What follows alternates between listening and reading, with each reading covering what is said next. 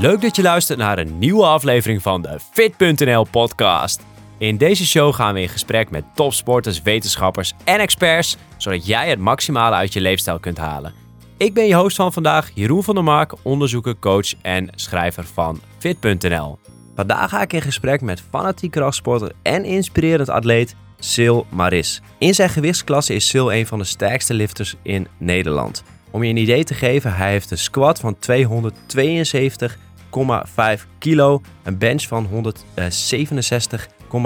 en een deadlift van 305 kilo. Oftewel echt gigantische cijfers en een van de sterkste lifters in zijn gewichtsklasse min 93. Oftewel iemand die al jaren traint en zelf ook powerlift coach is en er goed nadenkt waarom hij beslissingen neemt qua programmering. En hier hebben we wel eens interessante discussies over.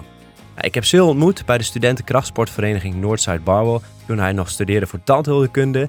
Zo zie je maar hoe belangrijk communities zijn om, om bij een krachtsportvereniging of een goede gym te gaan, zodat je van elkaar kunt leren. Terugkijkend op dit gesprek zitten er heel veel waardevolle inzichten in als je echt serieus met krachttraining aan de slag wil gaan en echt progressie wil maken en echt sterker wil worden. Laten we gelijk van start gaan. Sil, bedankt voor je tijd en welkom in de show. Dankjewel, dankjewel. Ik heb er zin in. Ik heb uh, zin in. Ja, ik ook. Ik heb zin in dit gesprek. Leren van een sterke man. Ik ben heel benieuwd uh, ja, hoe jij zo sterk bent geworden. Flinke cijfers.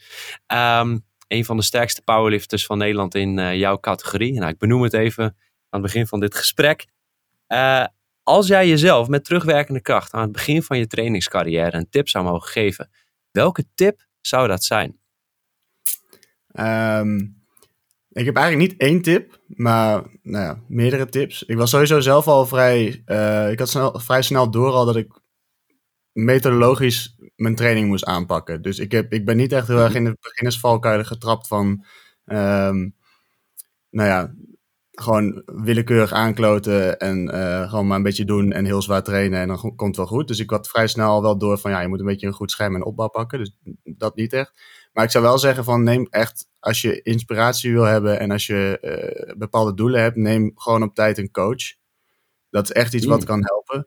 Of in ieder geval zorg ervoor dat je omringd bent bij mensen die eigenlijk het liefst meer weten dan jij van de sport. En die uh, ook bereid zijn om jou te helpen um, om gewoon zo snel mogelijk optimaal te trainen. Want je weet, je weet gewoon heel weinig, er is heel veel over te leren. En als iemand je aan de hand kan meenemen, dan, dan heb je daar echt een heleboel aan. Ja. En dat heb jij zelf ook gedaan, hè? voordat je naar de tweede tip gaat. Want wij, je hebt getraind bij Northside Babel. En dat heeft jou als vliegwiel, denk ik, gefunctioneerd om sneller sterker te worden. Ja, ja ik ben geïntroduceerd door een, door een vriend van me, een huisgenoot. Uh, uh, was eerst een vriend, een huisgenoot destijds toen we begonnen met sporten. Uh. Marco, ken je waarschijnlijk al. Mm -hmm. um, en die heeft mij toen geïntroduceerd bij Noordzij, maar die wist zelf ook al echt heel veel door zelf onderzoek te doen over krachtsport. Niet specifiek heel veel powerlifting, maar, maar vooral heel veel uh, algemene krachtsportkennis. Dus ik ben toen een beetje door hem aan de hand genomen en heb ik uh, gelijk een beetje nou ja, een soort van trainingsprogrammaatje opgesteld. Het was echt super basic, beetje 5 keer 5 gewoon elke week een klein beetje meer gewicht. Maar mm -hmm. vooral niet direct te zwaar, gewoon zorgen dat je een beetje goede indeling had qua spiergroepen, qua, qua oefeningen. Um, en inderdaad, omdat ik toen bij Noordzijde zat, op, nou, na een tijdje als je een beetje laat zien van... hey, ik wil powerliften en ik heb interesse... dan zijn daar natuurlijk best wel wat ervaren mensen die dan mee kunnen nemen... om ook echt technisch verbeteringen uh, aan te brengen... of nou ja, om je tips te geven over je, je manier van programmeren en et cetera. Ja. Dus ja, dat, uh, die omgeving, dat is, dat is echt wel belangrijk, ja. Ja, Hey, en die methodische aanpak, hè? want dat is eigenlijk het waar je als begin, als, waar je antwoord mee begon. Wat zijn dan bijvoorbeeld methodische inzichten die dan voor beginners, semi-gevorderde belangrijk zijn om te weten van hey, reken, hou hier in ieder geval rekening mee? Ja, het belangrijkste wat ik dan zou zeggen is dat wat je heel veel ziet in uh, dingen als de Basic Fit en zo, en gewoon je andere generic sportscholen, is dat mensen mm -hmm. het idee hebben dat ze altijd richting maximaal hard moeten pushen. Dus je ziet heel vaak mensen doen dan, doen dan een zwaar setje van vijf. Als ze bijvoorbeeld, nou, de meeste mensen willen heel graag bankdrukken, om een of andere reden. Ja. Um, nou, ik weet wel welke reden hoor. Laten we dat maar als voorbeeld nemen. Ja. Um, nou ja, dat is dan met bankdrukken dus een setje van 5. En dan een setje van 5 is dan RPE. Als mensen snappen wat RPE is, in ieder geval is het vrij moeilijk. RPE 9 of zo. Ja. En dan doen ze een setje van 3 met meer gewicht. Dat ze eigenlijk de laatste rep net halen met best wel lelijke techniek. En dan Ja. doen ze nog een singeltje wat iets zwaarder is, wat ze soms halen, soms niet halen. En dan, dan is dat hun bench sessie. En als je dan kijkt naar, nou, en als je kijkt naar twee onderdelen daarvan, eentje dus gewoon het, het technische aspect en, en kijken hoe je de lift goed kan uitvoeren, Mhm. heb je er niet zoveel aan om heel, heel zwaar te gaan. Want dan, zeker op het begin, is het gewoon niet goed te controleren. Dus dan leer je jezelf alleen maar foute bewegingspatronen aan. Mhm. Eh, en aan de andere kant heb je niet zoveel aan op lange termijn om op deze manier te trainen, omdat je niet de progressive overload kan pakken. Dus je kan eigenlijk niet op één week eh, volume draaien wat je lichaam dan krijgt als prikkel van, oh, ik moet hierop aanpassen.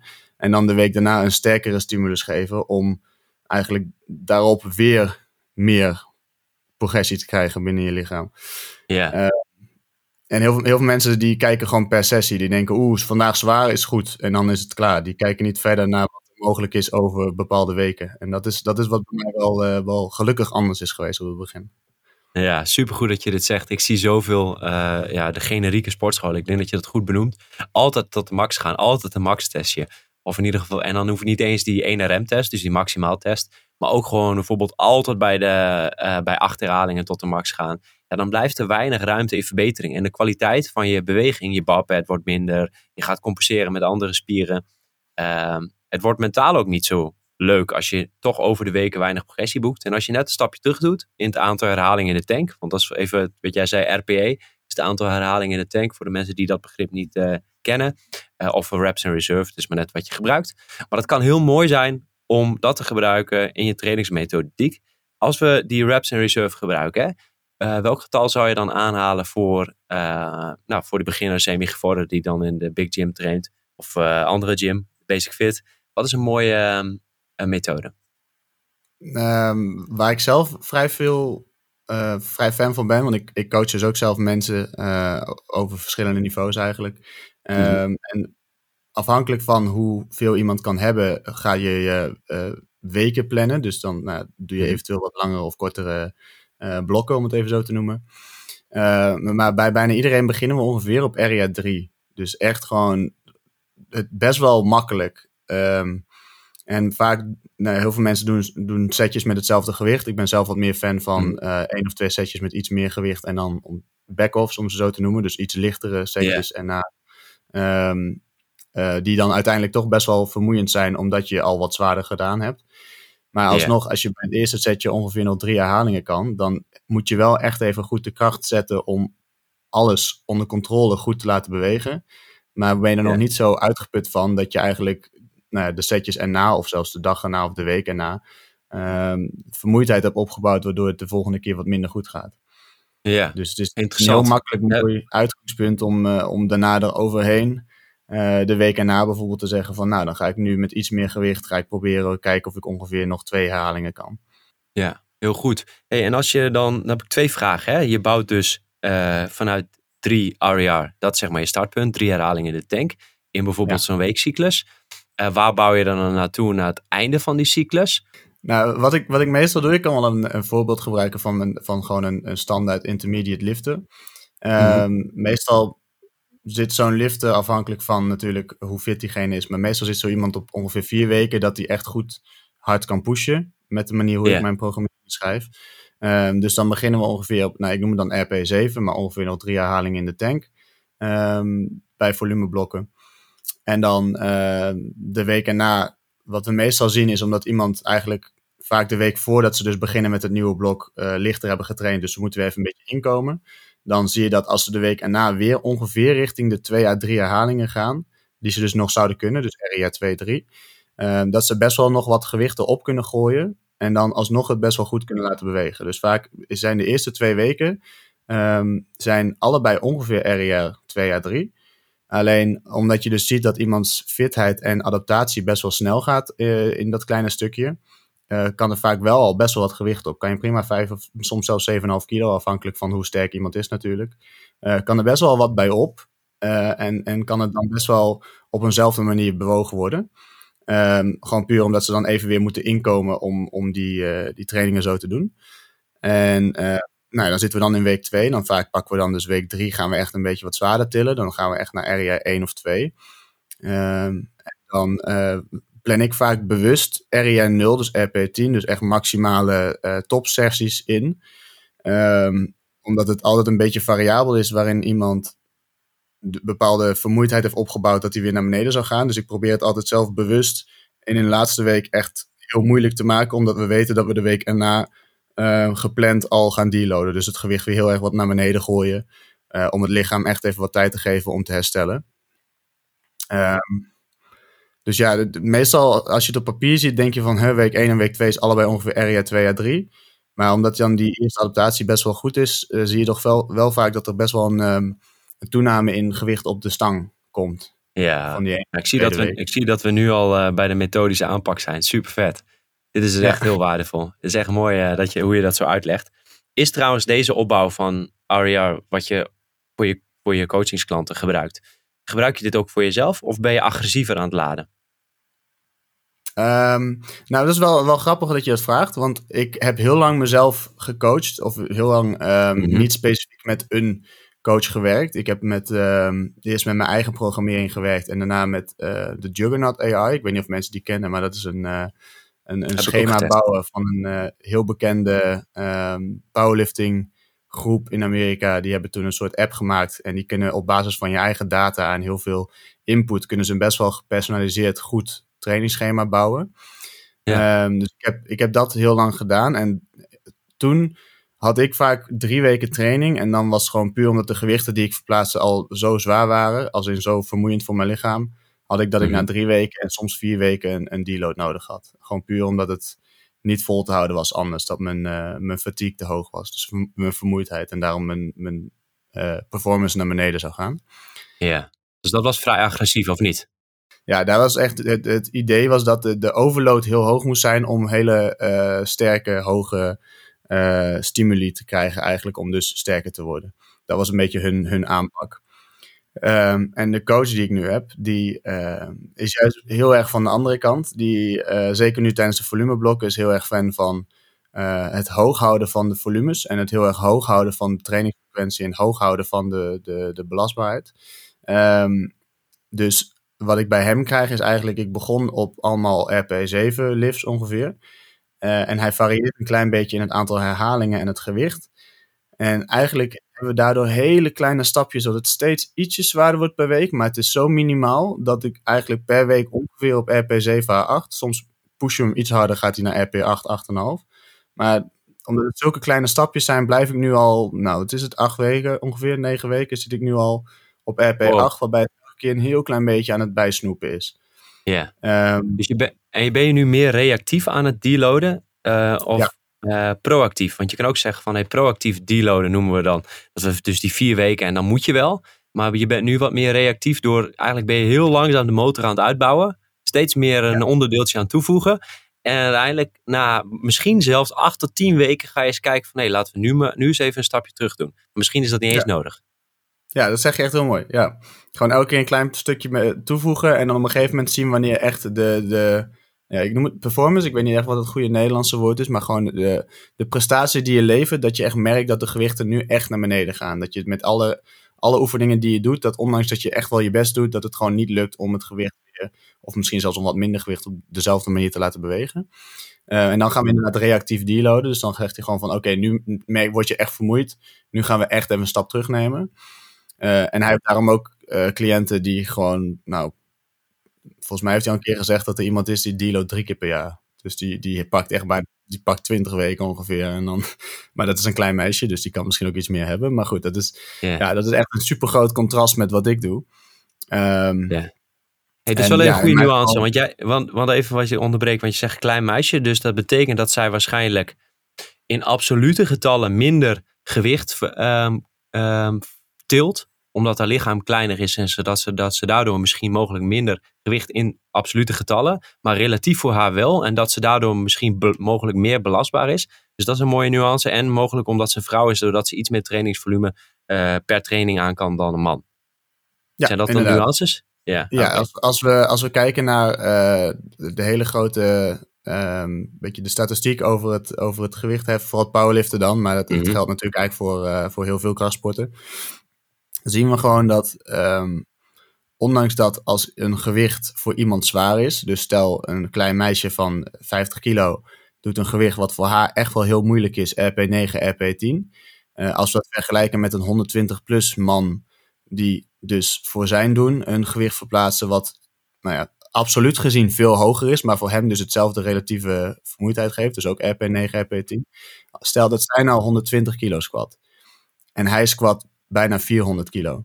Dan zien we dat dus de, de absolute gewichten ervoor zorgen dat toch het lichaam meer belast wordt bij dat hele hoge gewicht dan bij het lage gewicht. Dus daarom zien we dat die mannen, die hele zware, grote, sterke mannen, dat die veel minder kunnen hebben voordat ze echt heel erg kapot gaan ervan. Ondanks dat relatief gezien ze allebei even veel moeite in de lift moeten steken. Ja. En we zien dat vrouwen uh, over het algemeen veel beter en eigenlijk ook veel meer voordeel hebben aan uh, op een relatief hoger uh, gewicht trainen. Die kunnen veel beter herstellen en die reageren ook veel beter op hogere stimuli. Dus als zij theoretisch gezien heel lang op RP 8, 9, 10 zouden trainen, zouden zij dat langer kunnen volhouden en er ook meer aan hebben. Terwijl als je dat bij een, bij een hele grote zware man zou doen, dan zien we eigenlijk altijd dat dat bij de, op de uitzonderingen na, dat dat ervoor zorgt dat het gewoon uh, niet vol te houden is of zelfs gewoon niet eens progressie zal geven. Ondanks dat het echt wel een paar weken te doen. Ja, hier wil ik wel nuance bij maken dat het wel belangrijk is dat, als je, dat je hiervoor getraind moet zijn. Je moet het trainingsvolume langzaam opvoeren. Niet zodat je gelijk daaraan blootgesteld kan worden. Dus dat is een belangrijk, zowel bij mannen als vrouwen. Dus ga niet ineens denken van oh, ik ben een vrouw, ik begin, dan ga ik veel meer trainingsvolume, bouw dat rustig op. Ja. Um, over dat, dat reactief en um, uh, proactief deloaden.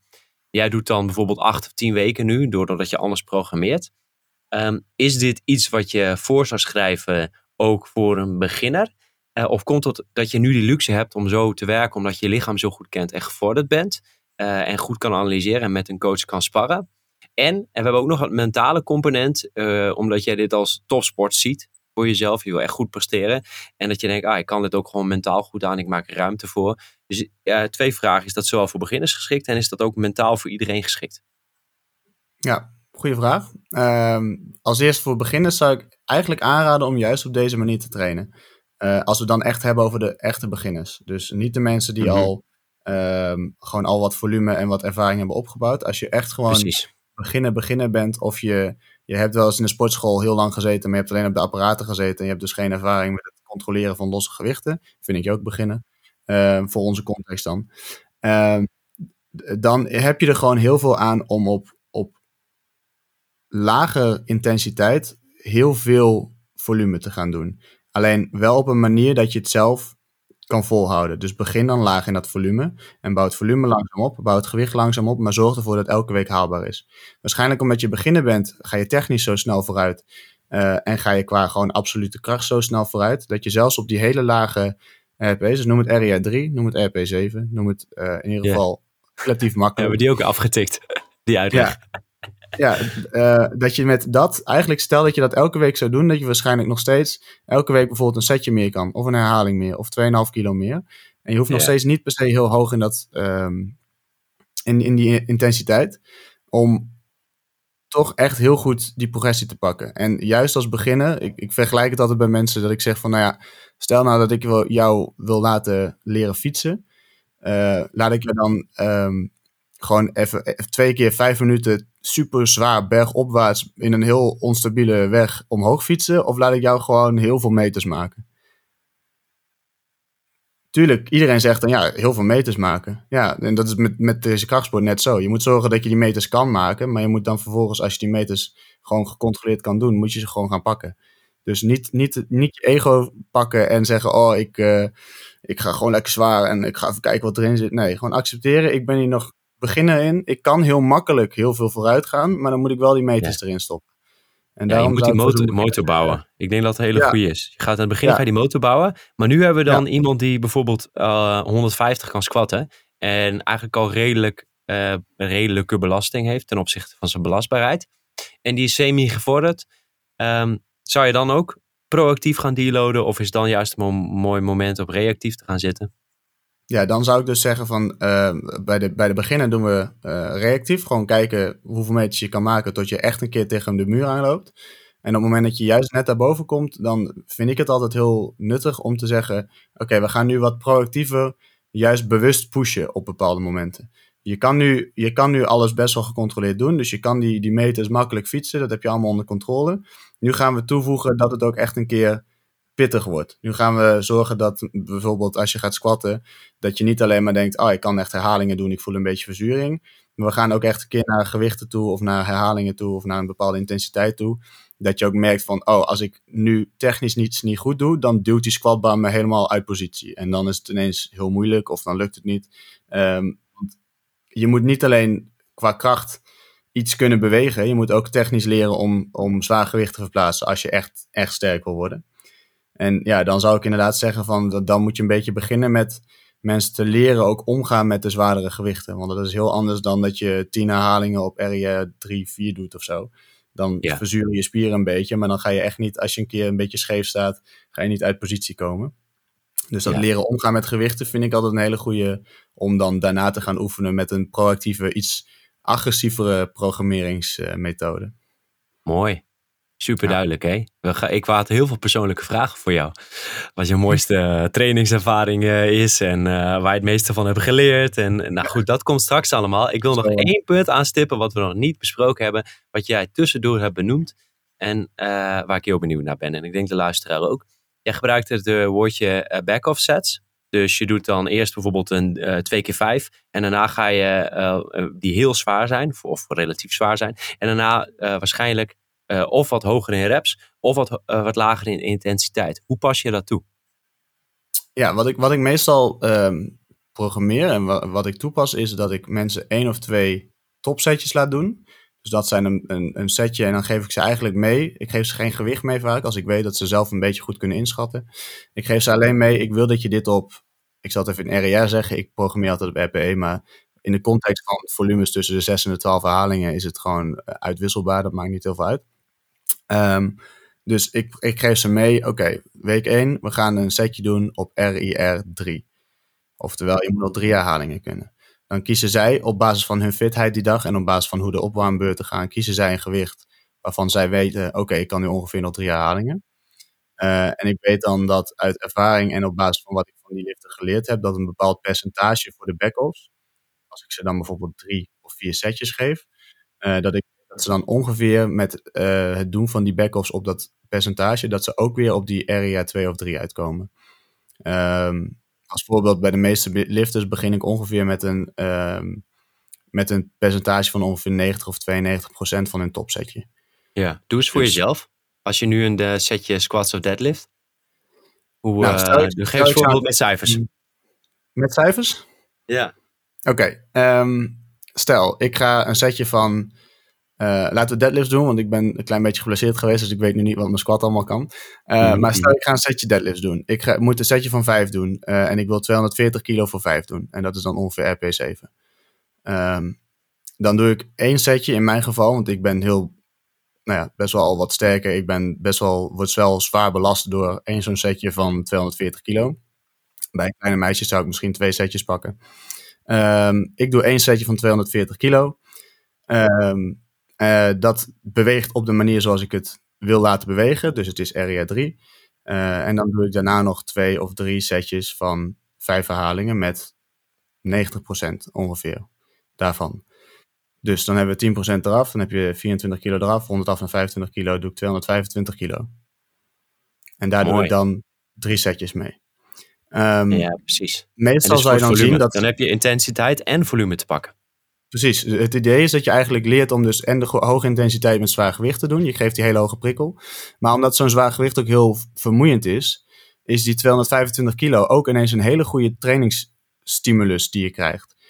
Want als ik jou gewoon zou zeggen, stel jij zou hetzelfde kunnen doen en ik zeg tegen jou, doe maar vier setjes met 225. Dan zou dat voor jou waarschijnlijk alle vier best wel makkelijk zijn. Maar omdat we juist dat ene setje eerst pushen, uh, het zware gewicht doen, doen we 250 kilo. Dat zou je daarna echt niet nog een paar keer voor vijf herhalingen kunnen, want dan ben je gewoon best wel moe al van het eerste setje. Als we dan ja. die 225 pakken, dan zal het eerste setje zal zo zijn van, oh, dit gaat wel lekker, dit gaat wel prima. Gaat snel. Uh, ja, gaat snel, maar het is wel moeilijk, want ik ben al wat moe. Um, ja. Dan zie je dat eerste setje ongeveer, nou wat is het, RER 3, soms 4 is. Maar dan het tweede setje, omdat je toch echt wel die vermoeidheid al in je lichaam krijgt, wordt dan RER 3, soms 2. En dat laatste setje moet je echt technisch gewoon heel goed doen. En is best wel zwaar belastend, dus geeft een hele goede prikkel voor je lichaam om uh, daarop volgend weer kracht op te bouwen. Om daarop opvolgend allemaal processen aan te zetten om dus sterker te worden. Um, omdat je die op RP of op uh, RER 3 ongeveer doet. RP, RER 3, 2 soms. En dat zou je normaal niet hebben. Maar nu is dus die, dat lichtere gewicht is veel belastender en veel, geeft veel meer stimulus dan dat je het gewoon als een soort straight set van vier setjes met 2,25 zou doen. Ja, en nu denk ik wel dat mensen de vraag hebben van waarom, uh, wat maakt dat uit? Want mm -hmm. ja, waarom zou je niet ja, ik, hoef, ik, ik, ga achterover zitten, jij stelt de vraag, top. Ja, ja handig hè? Nou ja, maar kijk, want waarom zou je dan bijvoorbeeld niet zeggen van ik doe gewoon vier setjes met 235 kilo? Um, en dat, is dan, dat heeft dan weer te maken met het lange termijn visie. Als jij één setje doet met, met 250 kilo en je doet daarna drie setjes met 225 kilo, zijn die 225 kilo relatief zwaar voor je. Geven een hele goede trainingsstimulus, maar absoluut gezien belast je je lichaam veel minder. Omdat je dus eigenlijk met die 225 kilo veel minder belasting op je lichaam geeft, omdat het gewoon minder zwaar is. Het, is niet, het gaat niet om relatief, het is gewoon minder zwaar dan wanneer je er 10 of 15 kilo meer op zou hebben. En op die manier proberen we eigenlijk um, je lichaam een soort van, nou ja, te tricken om dus best wel moeite te hebben met gewichten die toch absoluut gezien niet zo heel belastend zijn. En daarom uh, zien we ook eigenlijk uit bijna alle, alle trainingsliteratuur zien we ook terug dat, dat het doen van straight sets, dus gewoon vijf sets met dit, zeker op hoge intensiteit, minder effectief is dan het doen van uh, één of twee hogere setjes, dan één of twee backoffs. En soms zelfs dan nog weer een bepaald percentage daarvan als minder. Ja. Omdat je dan gewoon absoluut veel minder vermoeidheid opbouwt, maar toch op een hele goede hoge intensiteit kan trainen. Ja, super waardevol hè.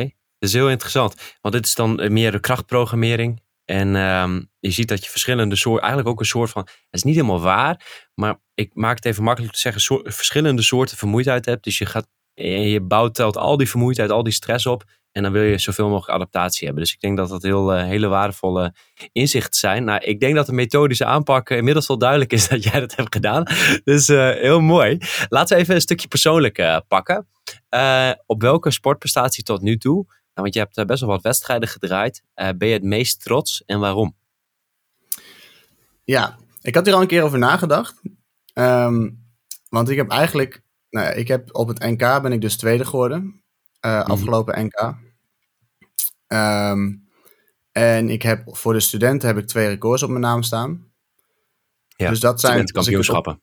Studentenkampioenschappen, ja. Um, dus dat, dat zijn aparte records. Dus ik zit nog niet in de hele grote open records, maar probeer er naartoe te gaan. Um, Wat goed maar, komen. Ja, dat, vast. um, maar dat zijn op papier denk ik mijn, mijn beste prestaties. Maar dat denk ik dat ik toch minder trots op ben dan op toen tijdens corona, volgens mij drie jaar terug nu al, toen corona voor de eerste keer kwam dat het NK niet doorging. Toen hebben wij bij uh, East End, dus een uh, powerlifting sportschool hier, hebben we met alle mensen uit Groningen die mee zouden doen met het NK, toch op diezelfde dag nog uh, gewoon gemaxt en ons NK gedraaid. Echt op een manier zoals je ook een wedstrijd zou doen. Dus met inwegen, met scheidsrechters, met beurten, et cetera. En toen heb ik ehm, op een lichaamsgewicht van 83 kilo heb ik een totaal van 720 kilo neergezet. En ik vind dat nog steeds, dat is, dat is denk ik mijn beste prestatie ooit. En dat is het meest, uh, meest sterke wat ik relatief ooit ben geweest, uh, voor mijn mhm. gevoel.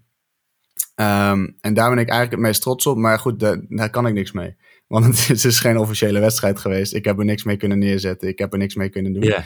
Maar ik vind het toch wel het vetst dat ik dat, uh, dat, ik dat destijds toen gedaan heb. Super vet. Heb je ook echt naartoe gepiekt of was dat gewoon een lucky shot? Ja, nee, dat was dus. Ik, eigenlijk waren we aan het pieken voor het NK. En toen kwam een paar weken van tevoren kwam ineens het bericht. Ja, vanwege corona hebben we besloten dat alles niet doorgaat. Dus wij zaten al volledig in de piek. We waren op dat moment. Het was ook echt de dag van het NK dat we de wedstrijd hebben gedaan. Dus iedereen's programmering was ook specifiek al ingericht daarop. Dus het was geen, het was geen lucky shot. Het was echt, dat had ik op het NK willen neerzetten. En daarmee bijvoorbeeld me dan kunnen kwalificeren voor Europese kampioenschap. En misschien ja, ja, ja. Ja, Dus- dat gaat allemaal nog wel komen. Hey, en als Ik je het. nu kijkt, hè, ja, als we kijken tijdens corona, want dat vind ik wel leuk, want dat was een dikke tegenvaller. Het was lastig om door te trainen. Eh, hoe ben jij dat dan doorgekomen? Heb je nieuwe doelen gesteld? Heb je, ben je thuis eh, gaan? Hoe heb je dat ge- gefaciliteerd dat je zo sterk kon blijven?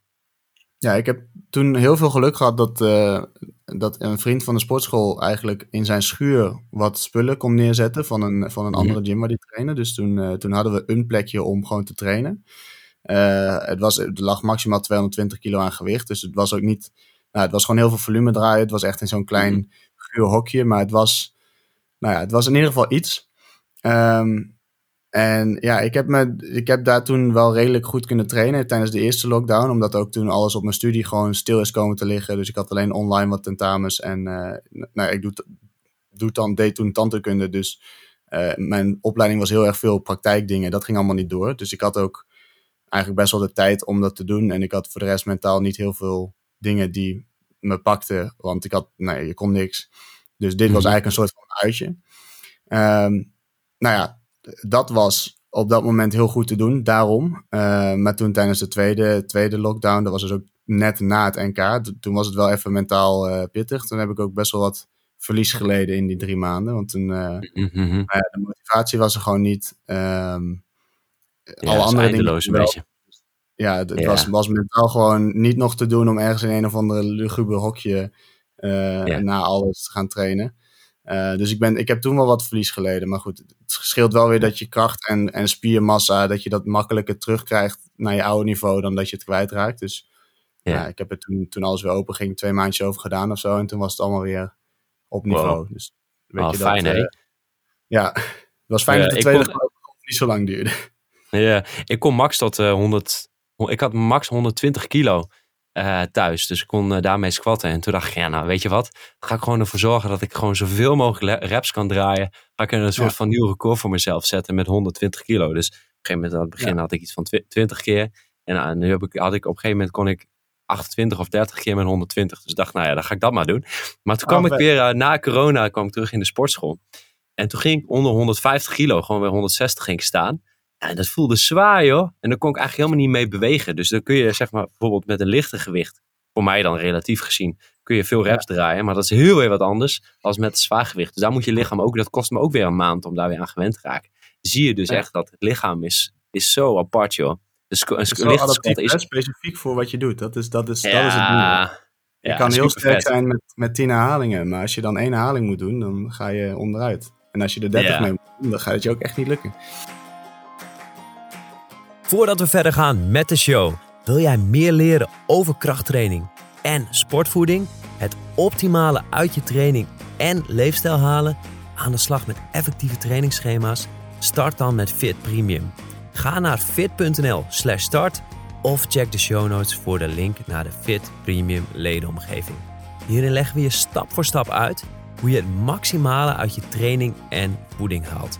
Met complete cursussen en schema's gebaseerd op de laatste wetenschappelijke inzichten. We gaan onder andere uitgebreid in op alles dat jij moet weten en je vindt de beste trainingsschema's met meer dan 100 opties voor zowel thuis als in de sportschool. Plus een uitgebreide community met advies van een team van professionals. Ben je benieuwd? Ga naar fit.nl/slash start en start vandaag nog of ga naar de show notes voor de link. Nu terug naar de aflevering.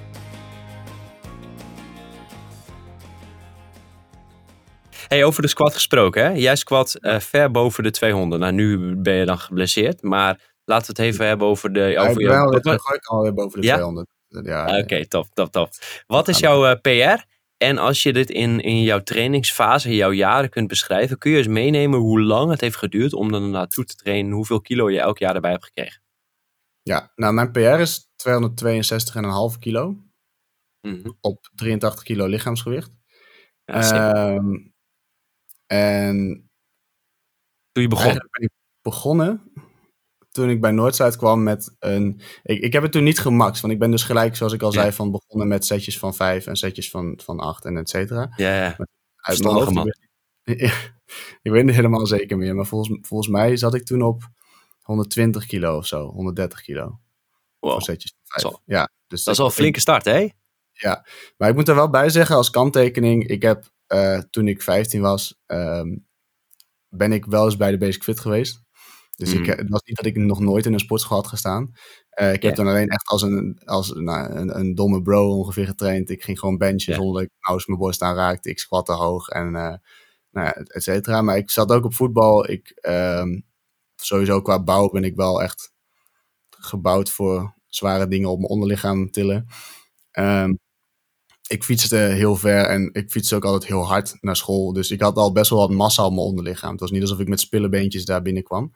Uh, en dat had ik dus ook toen ik bij Noordzijde kwam. Dus die, die 120 kilo die ik kon doen, dat was niet gelijk heel mooi en heel diep. Maar dat, nou ja, de kracht zat er wel in van allemaal andere dingen. Dus het is niet alsof ik, uh, alsof ik niet al wat massa had. Um, ja, en toen heb ik dus de eerste, ik denk het eerste jaar ongeveer, heb ik gewoon de hele tijd continu schemaatjes gedraaid van nou ja, soms 5 bij 5, soms met op een gegeven moment met topsetjes erbij. Maar gewoon eigenlijk heel hoog volume. En dat was ook omdat uh, ik ooit, ooit een keer toen van Nick Venema, die ken je ook wel, denk ik. Uh, ja, zeker. Bekende ja. Ja, ja, ja, zeker. Bekende van de show. Ja, precies. Uh, nou ja, Nick Venema die kwam op een gegeven moment bij en die heeft ooit een keer gezegd van ja, je, je bak, uiteindelijk pak je toch wel de beste progressie als je gewoon heel hoog volume blijft draaien. En dat heb ik Ja. toen gehoord. Ik, ja, weet je, waarom zou ik in godsnaam nu in mijn eerste jaar gaan wedstrijden gaan doen of singles gaan doen? Weet je, boeien. Ik wil, ik wil niet nu kijken hoe sterk ik een beetje mediate ben. Ik wil gewoon echt sterk worden. Dus ik heb toen dat eerste jaar gewoon echt alleen maar setjes van vijf, setjes van zes, setjes van acht lopen rappen. En dat, dat gewoon steeds, nou in de eerste paar weken kon ik daar heel makkelijk steeds even 2,5 of 5 kilo bovenop doen. Ehm, en dan werd ik als iets lichter. Ehm, en op een gegeven moment werkte dat werkte niet meer. Dus ik moest ook deloaden na zes weken ongeveer. En dan, dan nou ja, gingen we even naar beneden. Dan na acht weken weer gedaan, want konden we wat meer hebben. Ehm, maar dan begin je iets lager. Dus het is niet alsof ik daarna ineens heel, heel veel meer kon. Uh, maar wel gewoon elk blok of elk trainingsprogrammaatje wat ik dan gedraaid had, kon ik wel weer 5 of 7,5 kilo meer. Ja. Um, en toen na mijn eerste jaar heb ik beginnerswedstrijd bij Noordzijde gedaan. En toen squat ik 202,5. Oh, wow. Ja. En dat Zeker, toen dat, ja, en, ik had uh, één keer daarvoor eerder een soort van gemaakt om te kijken waar ik ongeveer stond. Uh, en toen kon ik 185 kilo volgens mij. Ja. Uh, terwijl ik alleen maar toen nog steeds mijn setjes allemaal met 150 kilo en zo deed. Dus ik had ook niet Ah. echt ervaring met het maximum. Het was gewoon echt puur dat ik zoveel volume had opgebouwd. Zo gewoon constant zwaarder leren gaan met best wel Mhm. Hoge herhalingen. Dat het, dat het zich heel snel uit in een, uh, in een sterke squat. Ja. En toen ben ik dus, nou, na een jaar kon ik 202,5.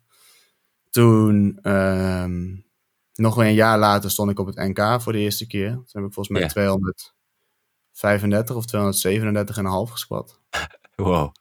Ja. Zie je een En, beetje eh, verminderde meeropbrengst. Je ziet een beetje me- verminderde meeropbrengst. Maar alsnog is dat wel echt een grote stap. Ja, het, zijn, het, zijn ook, het is nog wel... Kijk, ik heb ook wel aanleg ervoor. Het is niet... Kijk, dus aan de ene kant is het gewoon... Het is een combinatie van goed aanpakken, prioriteiten stellen, goed slapen, goed eten.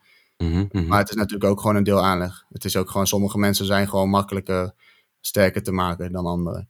Dat, dat Ja. je altijd zien. En, en jouw Ja. aanleg, hè? Laten we het zeggen, jij hebt dan natuurlijk wel vanaf jongs af aan ook wel beendominante sporten gedaan. eh, voetbal, je hebt eh, gefietst. Dus je hebt er wel voor gezorgd dat die, dat die aanleg tot potentie kwam. En dat je dat faciliterend, als toen je aan krachttraining begon, dat je dat goed kon benutten. Maar als je nu kijkt, hè, want je hebt veel mensen voorbij zien komen, ook eh, bij Northside. Eh, heb je ook mensen gezien die mogelijk wat minder gunstige onderdelen hebben in hun lichaam of, of genetisch andere spiervezelsamenstelling, die toch door een methodische aanpak eh, heel dicht bij jou of zelfs sterker kunnen zijn? Doe, doe je al op specifiek iemand? Of moet ik het nou gewoon... Nee, eh, absoluut nee? niet. Nee, nee. Oh nee, nee. ik kwam echt gelijk. Ja, je kent hem sowieso wel. Olivier Thijhuis. Dat is echt Ja. gewoon. Dat is het voorbeeld. Olivier Ja. Thijhuis, die traint. Ja, dat vond ik super tof. We hebben heel lang in dezelfde gewichtsklasse gezeten. Train ook bij Noordside. Die is afgelopen ehm, september, volgens mij, heeft hij met de West European meegedaan. Die zit nu in de 93. Dat is een, eh, een Wow, internationale, internationale wedstrijd. Ja. Eh, die totalt nu op 93 uit mijn hoofd. 730 ongeveer. ongeveer. Wow. En Nice. Olivier is volgens mij één of twee jaar toen voor mij begonnen, of misschien zelfs iets minder. Eh, en Olivier begon echt met een 40 kilo squat en een stang bench en een deadlift van 50. En Olivier was niet sportief. Olivier kan, geen, kon, kan nog steeds niet echt een bal vangen of zo. Olivier had, had echt gewoon het skinny lichaam waarvan je zou denken van... jij kan, jij kan geen deuk in een pakje boter krijgen ongeveer. Uh, maar wat Olivier wel echt heel goed kan, en wat hij eigenlijk nu altijd al heeft gedaan, is gewoon heel, heel cons consistent zijn. Um, ja, Olivier heeft volgens mij, uit mijn hoofd, ik denk dat hij nog nooit een training geskipt heeft ongeveer, maar Olivier heeft gewoon echt geen gekke dingen gedaan. Die heeft niet iets bijzonders gedaan, als in, nou ja, wat je misschien bij mij zou zeggen van, ah, je bent begonnen met je best wel hoge squat en je squatte yeah. ja, 200 plus. Mm -hmm. Nee, Olivier die, die kwam nou, misschien dus binnen met een 40, 50 kilo squat. Uh, en die heeft gewoon getraind. Die kon daarna 100, die kon daarna 120, kon daarna 140, kon daarna 160. En die traint echt al, nou, ik denk nu zes jaar, zeven jaar misschien. En die zit nu gewoon op een 250 kilo squat ook. Fucking vet. En ook 300 plus deadlift.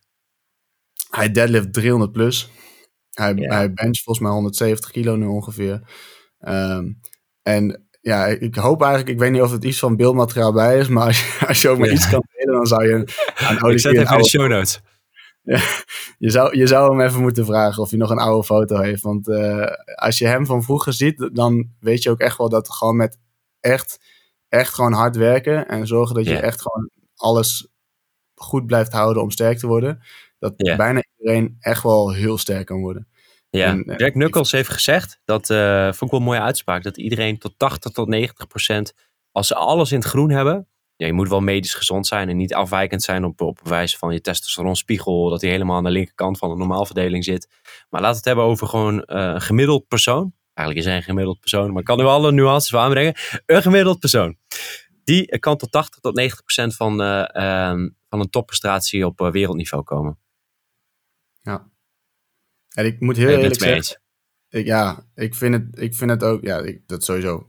Want ja, ik zeg, opnieuw, Olivier is gewoon daar echt het voorbeeld van. Ja, en ja dan wil ik nog even, wil ik even kanttekening maken hoor, zodat ik je onderbreek. Maar dat vind ik nog ja. wel interessant. Hè? We hebben een soort van leerfase. Uh, en je kan ook zeggen die, um, dat jij bijvoorbeeld al heel snel uh, richt, meer richting je genetisch potentieel komt.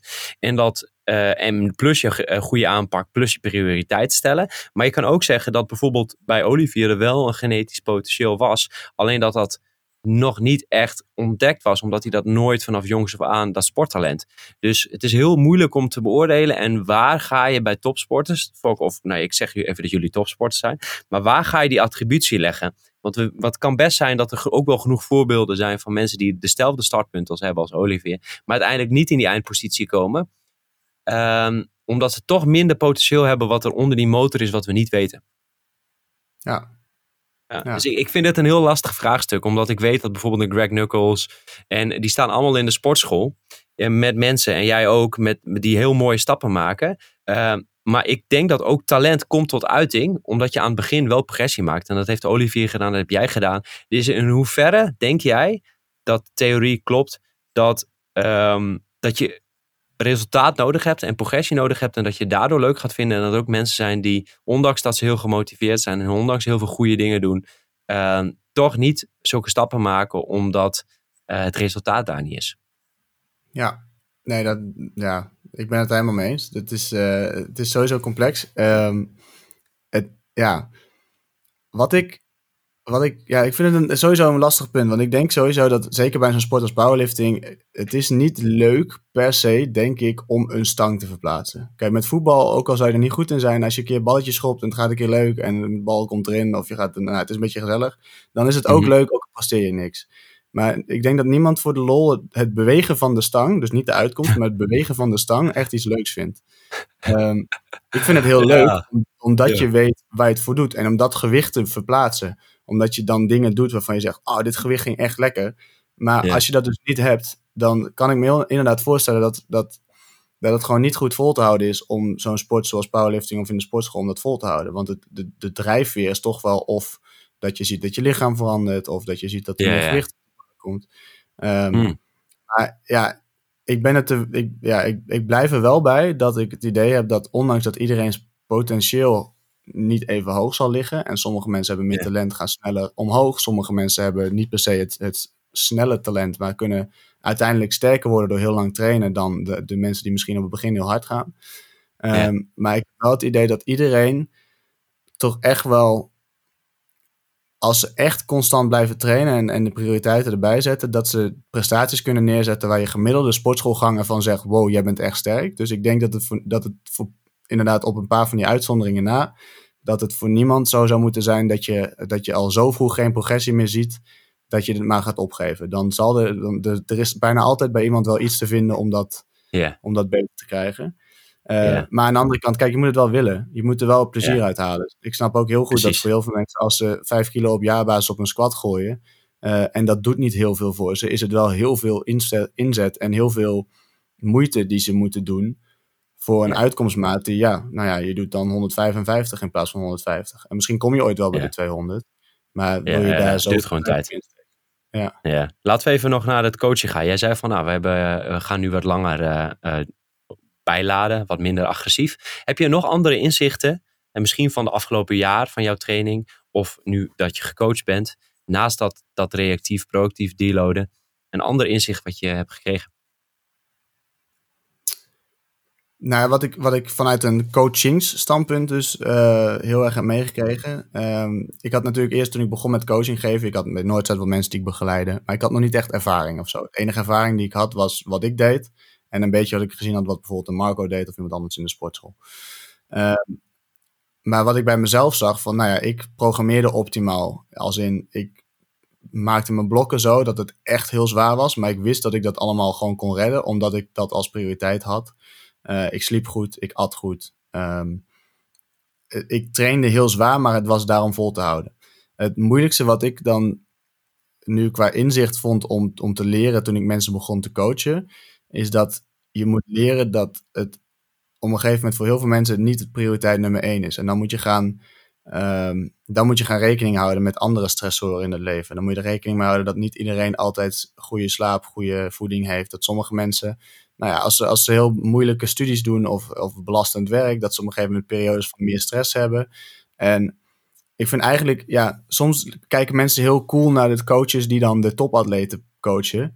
Maar ik heb eigenlijk veel meer respect voor de mensen die juist de iets meer middenmoot coachen. De mensen die juist allerlei dingen in hun leven hebben en toch dan goede progressie weten te boeken. Want, want die mensen hebben zulke variërende stressoren die andere, die gewoon hogere prioriteit hebben dan powerliften of dan andere krachtsport.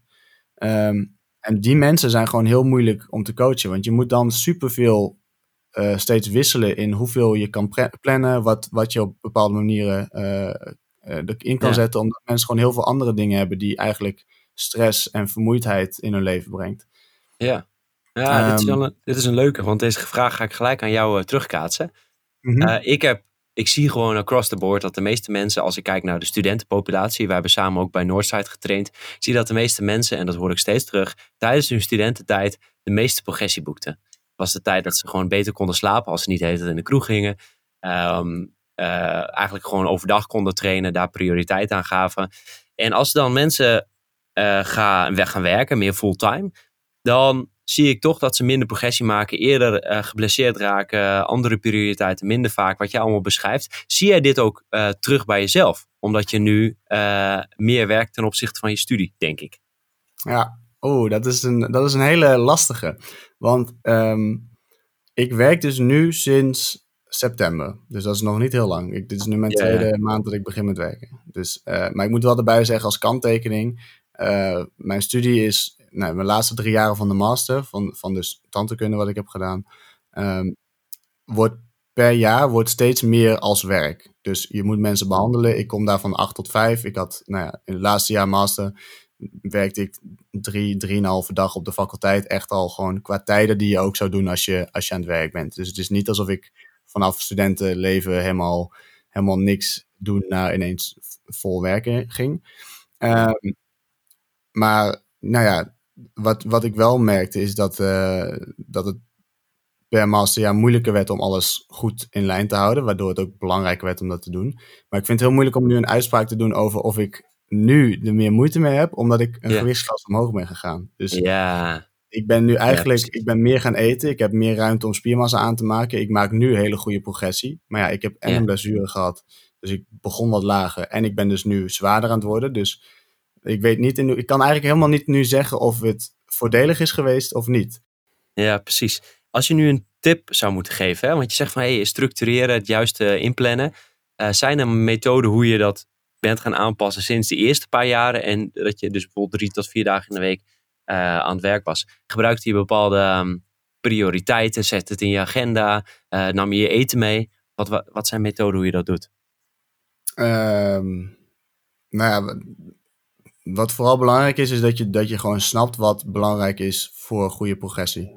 Dus um, je ziet heel veel mensen die allemaal uh, sportsupplementjes nemen en quick gains, balls, weet ik veel, allemaal van dat soort, uh, ik noem het even onzin. Er zal vast een bepaalde mate van werkzaamheid in zitten. Maar je moet gewoon doorhebben dat voor, het, voor nou, ik denk 99% van je prestatie is het belangrijk dat je je trainingsstimulus goed hebt. De stress in je leven en je trainingsstress, dus je algemene stress zo laag mogelijk. Slaap moet goed zijn en voeding moet goed zijn. Dus ja, de basics. De basics, ja. En de mensen, om een of andere reden vergeten mensen die basics heel vaak. Dat is een beetje vervelend.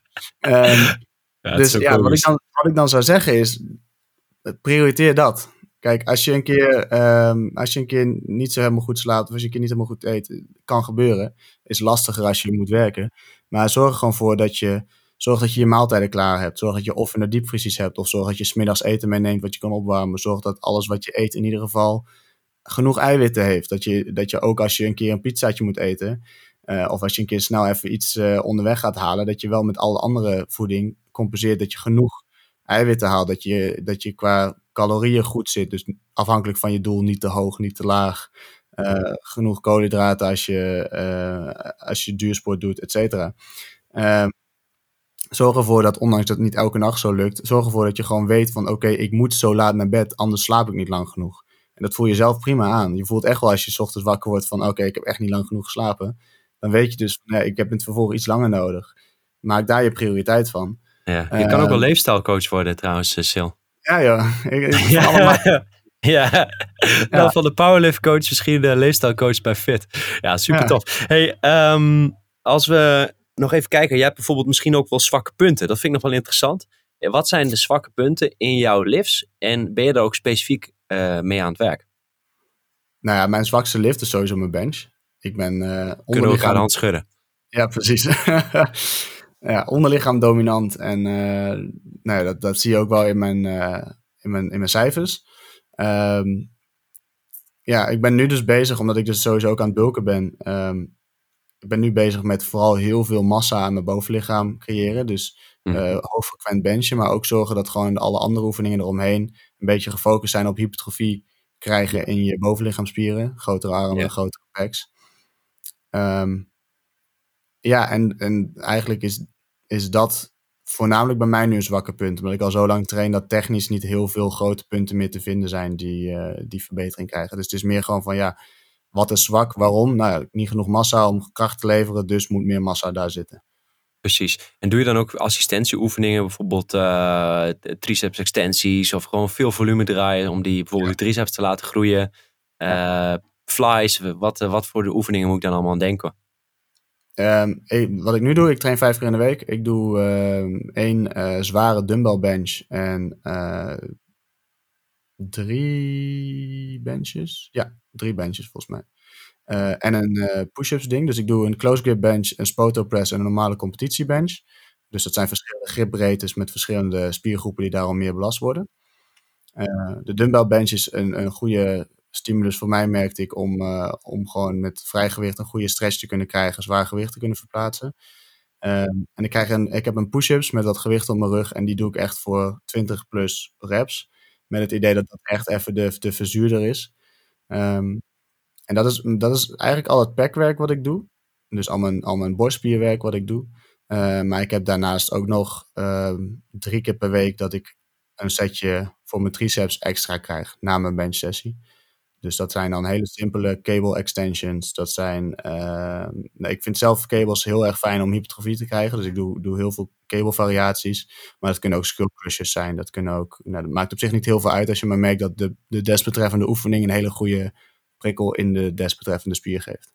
Ja, in die eindrange zit je dan ook nog met een constante spanning. Dus dat is wat mooi over de hele beweging. Dat is het voordeel van die cable ook wel een hele mooie vind. En ik vind bijvoorbeeld die dumbbell wat je benoemt, is dat je over de hele, dat je misschien net wat een grotere range hebt waar je over kunt bewegen. Plus de, ja, de beweging van de armen is niet in een vast beweegpatroon in vergelijking met de bench. Dus ik vind ook het vermoeidheid-effect, wat we aan het begin van het gesprek hadden. Je hebt een andere soort vermoeidheid die je, die je op de, de borst geeft. En dan een stuk, stukje balans erbij. Ik gebruik zelf ook die uh, push-ups met gewicht op mijn rug. En ik merk ook gewoon dat ik de, de borstspier veel meer geactiveerd voel ten opzichte van de, uh, van de benchpress. Dat is echt van die kleine nuances wat, je, wat ik dan persoonlijk voel. Dat is heel interessant. En dat je dit als je dus gevorderde liften bent of, wat meer naartoe traint, steeds meer dingen kunt proberen en kijken wat goed uh, voor jou werkt. Um, even kijken. Jij hebt, jij hebt dus een blessure gehad uh, met squatten. Hoe heb je daaromheen getraind? Ben je dan leg presses gaan doen? Hoe heb je dat aangepakt? Um, nou, ik heb met mijn quad blessure heb ik een, waarschijnlijk een graad 2 blessure gehad. Dus dat betekent dat meer dan de helft van de spiervezels in of wow. afgescheurd zijn. Um, dus ik kon echt gewoon twee, oh, kon 2,5 maand ongeveer niks. Echt niks. Ik kon, ik kon, de eerste maand kon ik uh, net, net een, misschien een beetje fietsen en kleine stukjes lopen. Damn. Um, Was er ingescheurd ja. of zo? Ja, nou ja, ik heb toen een, ik heb een, ik heb een jaartje gevoetbald met een vriendenteamje. Yeah. En ik heb waarschijnlijk toen in de laatste wedstrijd een keer ik een best wel grote schaafplek erover. Ik waarschijnlijk een tik gehad. En toen heb ik daarna mijn squat sessie gedaan. Squats gingen prima, maar met dumbbell split squats toen brandde het allemaal, want het was hoog volume. En waarschijnlijk heb ik toen tijdens het branden ongemerkt ook iets kapot gemaakt of zo. Uh, dat uitte zich daarna pas. Dus ja. Um, maar uh, ja, het was dus echt zo ver ingescheurd dat ik het niet kon gebruiken. Dus ik heb gewoon op basis van advies van de fysio um, zoveel mogelijk wat wel lukte, wat daarna ook geen verdikking of pijn gaf, heb ik gedaan. Dus er was op het begin gewoon heel veel wandelen en gewoon heel licht gewoon alleen bewegen in de range die kon. Um, en dan nu, nou ja, ik had daarna vakantie, dus ik heb uiteindelijk effectief gezien drie maanden later pas voor het eerst getraind. Uh, echt gewoon mijn, mijn quads weer belast. En toen ben ik dus uh, in overleg met mijn coach gewoon echt begonnen met hele lichte tempo's. Laag volume, één of twee herhalingen en echt heel licht. Dus dat was met 80 kilo, vier seconden tempo naar beneden, één seconde pauzeren onderin. En gewoon elke training heel goed kijken van oké, hoe reageert mijn quad tijdens de oefening? Hoe reageert het daarna? Uh, kan ik de, de training erna dat ik iets wil doen, kan ik dan ook alweer iets met mijn quad, um, iets meer gefixeerde oefeningen, dus gecontroleerde leg extensions naar beneden. Um, ja, gewoon vooral zorgen dat je die load management goed hebt. Want het, is, het blijft een heel fragiel punt. Het hield best wel snel, maar het is natuurlijk heel makkelijk om dan te denken, oh, kracht kan ik best wel veel meer doen. Dat ga je dan yeah. doen, wordt instabiel en dan krak je er weer opnieuw doorheen. Dus vooral heel langzaam weer opbouwen is, zou, is de tip die ik dan mee zou geven. Ja, Nee, klinkt als een visio. hey, dat is heel goed. Hè? Heel goed. Dat is goed advies. Hey, en hoe zit je nu alweer bijna bij uh, maximale belasting waar je eerst zat? Ja, ik, ik heb, ja, we zijn nog steeds conservatief met squatten. Ik ga binnenkort mm. een, uh, voor de lol een uh, deadlift wedstrijdje bij Push and Pull. Een uh, andere sportschool in Groningen yeah. ga ik doen. Leuk, dus ik deadlift een klein beetje aan het pushen. Dat gaat allemaal prima. Ik, ik kan dat nou, best wel zwaar doen zonder daar last van te krijgen. En met mijn squats ook. Maar we zijn gewoon heel conservatief. Ik, doe, ik heb high bar gepauzeerde squats gedaan met 182,5 voor vier, vijf herhalingen. Oh, gaat de goede ja, kant op. Het gaat de goede kant op, maar even voor het contrast, ik kon op een gegeven moment 200 plus kilo voor acht herhalingen high bar. Dus weet je, het, het uh, klinkt heel cool, maar het zijn nog steeds gewoon elke hele kleine stapjes. Ondanks dat ik in mijn hoofd misschien denk van ja, ik kan echt, uh, ik kan echt wel meer. Hebben we gewoon yeah. besloten weet je, ik heb het NK pas in het voorjaar. Dat is wat ik echt goed wil gaan doen. Dus we gaan gewoon nu zorgen dat alles heel langzaam uh, opgebouwd wordt en dat we geen risico hebben dat het weer stuk gaat. Ja, ja, ja. Vet hoor. Hey, uh, voordat we echt naar de praktische vragen gaan, jouw favoriete podcast en boektip. Zijn er dingen dat jij zegt van hey, dat is belangrijk voor de luisteraar rondom training, wat we niet besproken hadden en dat had ik aan het begin graag willen vertellen? Um, wat ik, wel, wat ik een hele mooie vind, ik zal er zo meteen ook uh, op uitleggen hoe ik daar kom. Op, als we het gaan uh, hebben over de, de, de tips die ik, uh, die ik heb voor mm -hmm. mensen, podcast, boeken, et cetera. Um, maar iets wat ik onbewust al deed, maar wat ik dus echt mensen wil meegeven om gemotiveerd te blijven, is om niet elke training um, maximaal aan jezelf aan dopamine eigenlijk bloot te stellen. En uh, even om dat um, in een praktische manier uit te leggen. Um, elke keer als je iets doet waarbij je een bepaalde dopamineprikkel krijgt, dus eigenlijk het, het stofje wat ervoor zorgt dat, dat, dat, je, dat je dingen wil gaan doen, wat je motiveert, wat drive geeft. Ehm, elke keer als je die stimuleert, krijg je daarna een soort dipje. En dat is een bepaalde spiegel. En die, die balans die is heel, goed, heel belangrijk om goed te houden. Want dat is ook eigenlijk de reden waarom we als we iets heel vaak doen, dat we op een gegeven moment het niet zo boeiend meer vinden. En daarom moeten we ook altijd, zie je bij drugsgebruikers en alles, dat zie je bij mensen die uh, extreme sporten doen, et cetera. Het moet altijd heftiger, moet altijd groter. Die prik moet altijd groter. Uh, anders krijg je niet meer dezelfde kick en respons die je hebt uh, in dopamine bij dezelfde stimulus. Uh, het is heel makkelijk om met, met of powerlifting jezelf elke keer helemaal kapot op te hypen. Dus uh, harde muziek in je oren, vet voor pre-workout van tevoren, helemaal hype, let's go, schreeuwen met z'n allen en, en op die manier te trainen. Uh, dat werkt heel goed, maar dat kan er dus ook voor zorgen dat je jezelf heel makkelijk op een gegeven moment een soort van uitdooft. Dat je zelf, um, dat je mentaal gewoon niet meer in staat bent om het goed te doen, omdat eigenlijk die, zelfs met al die hulpmiddelen die normaal gesproken die dopamineprikkel geven, zelfs met al die hulpmiddelen um, wordt het nog steeds, is het gewoon een mentaal meh moment.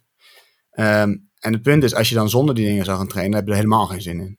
Um, en een, een, tip die ik kreeg, uh, of nee, een, een, een takeaway van een, uh, van een bepaalde podcast, is dus eigenlijk om per week één of soms misschien zelfs twee trainingen, afhankelijk van hoe vaak je traint, juist bewust, ongestimuleerd te doen, niet met leuke muziek op je oren. Mag prima muziek luisteren wat in de sportschool opstaat. Maar niet je eigen muziek, allemaal op je oren. Geen zieke cafeïne boost, niet te veel pre-workout. En op die manier eigenlijk ervoor zorgen dat je controle houdt over de dopamineprikkel. En ook op het moment dat je het nodig hebt, dat je, dat je hem kan pakken. Stel je krijgt een zware week, stel je krijgt zware sessies. Dan is het ook veel effectiever om dan wel die muziek in te hebben. En om dan wel, um, om dan wel heel veel cafeïne, pre-workout, wat je maar wilt te nemen. Uh, en dat, dat is echt een ding, blijkbaar deed ik dat al een beetje onbewust, maar om, elke keer eens in de zoveel tijd even een, een niet heel erg gestimuleerde trainingssessie te hebben. Dat kan je gewoon prima doen bij een van je lichtere sessies. Kan heel erg helpen om op de lange termijn die motivatie hoog te houden. Uh, en om te zorgen dat je dus continu ook plezier en, en drive dus hebt om die, uh, om die trainingen te doen. Ja, ja en wat ik, vind het super mooi in zich trouwens. Wat ik ook een goede vind, is je training gewoon opschrijven op in een notebookje en meenemen. Dan kun je het afvinken. Dat gevoel van afvinken geeft ook weer een bepaalde respons in ons hoofd. Ja, het zijn allemaal ja. van die kleine dingen die ervoor kunnen zorgen dat je gemotiveerd bent. Maar ik vind dit wel een, zeg maar, een soort van meer abstracte kijk naar krachttraining. Heel, uh, heel tof. Ja, hey, en, uh, een, een neurofysiologische thema. Ja, ja dat komt toch een beetje Weet je, jouw uh, achtergrond, je wetenschappelijke achtergrond als uh, ja, tandarts, ja. Uh, toch een stukje medisch naar, naar, naar voren. Hey, en als we het hebben nu over een praktische podcast of boek, wat is leuk om, om te luisteren? Nou ja, um, wat ik dus nu, ik luister nu ineens heel veel podcasts, omdat ik dus voor mijn werk heel vaak in de auto zit. En dan vind ik het chill om geen radio mm -hmm. te luisteren, maar gewoon even een dopje in mijn oor te doen en dan um, um, gewoon even een stukje podcast te luisteren. Uh, de mm -hmm. twee podcasts die ik dus heel veel luister. Eentje is Andrew Huberman, Huberman ja. Lab. Um, ja, bekend. Uh, dat is ook waar dit, dit, dit hele stukje van dopamine, maar hij heeft ook heel veel andere interessante dingen. Dat gaat gewoon over eigenlijk uh, alles wat betreft je brein, hormoonhuishouding, um, hm.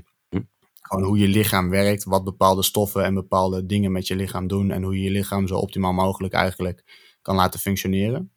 Uh, ja. Dus dat is echt, echt een beetje voor de, de, de geeks onder ons, die het gewoon leuk vinden om echt alle uh, wetenschappelijke dingetjes te leren.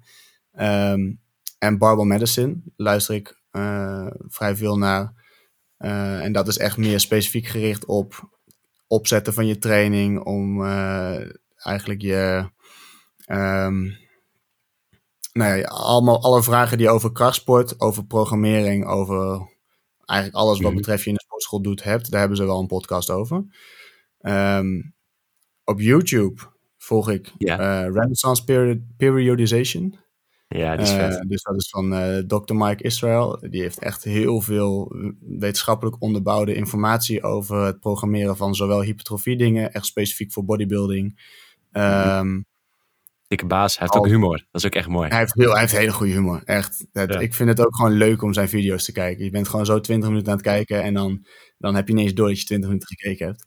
Ja, die man heeft echt heel veel goede, goede tips op, op, voor inzichten op, op programmering, op oefening, uh, selectie, hoe je dingen ook goed uitvoert.